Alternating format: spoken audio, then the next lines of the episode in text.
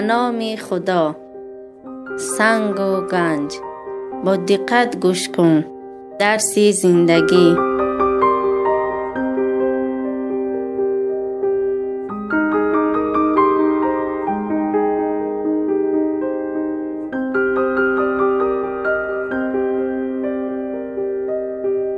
یک ماه از عروسی نرگیز می گذشت.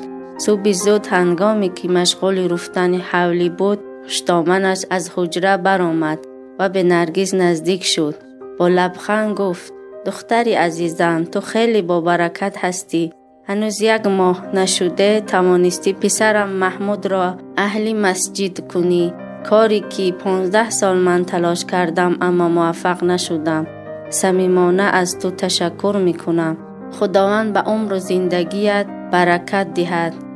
نرگس از این مهر محبت و تشکر خشتامنش خجالت کشید و آرام گفت مادر جان کاری اصلی را شما کرده اید سهم شما خیلی بیشتر از من است.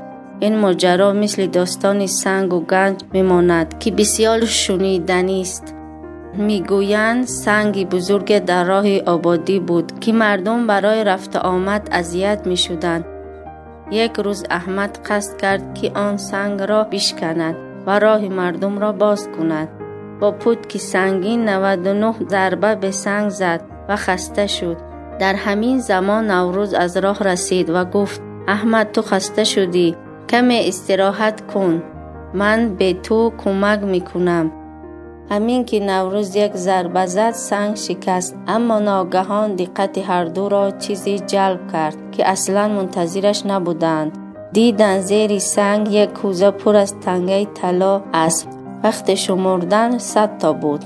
نوروز حق به جانب گفت این تنگه ها از آن من است. احمد اعتراض کرد تو تنها یک ضربه زدی در حالی که من 99 ضربه زدم. کار به دعوا کشید. برای حل ماجرا نزد قاضی رفتند. حادثه را بیان کردند. احمد می گفت باید مقداری از طلا سهم من باشد. اما نوروز پافشاری می کرد که همهش مال من است چون سنگ را من شکستم. قاضی با شنیدن این سخنان گفت 99 تنگه طلا از آنی احمد است و نوروز فقط یک تنگه حق دارد. زیرا اگر احمد 99 ضربه نمی‌زد зарбаи садум бе танҳоӣ наметавонист сангро бишканад.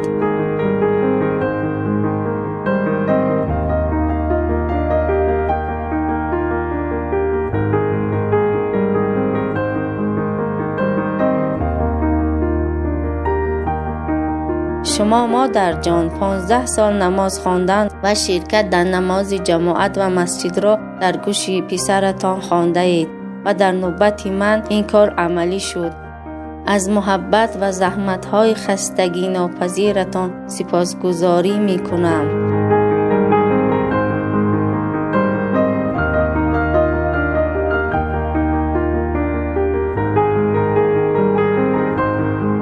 ما چگونه هستیم آیا حاضریم از زحمت دیگران قدردانی کنیم؟ تا برنامه بعد خدا نگهدار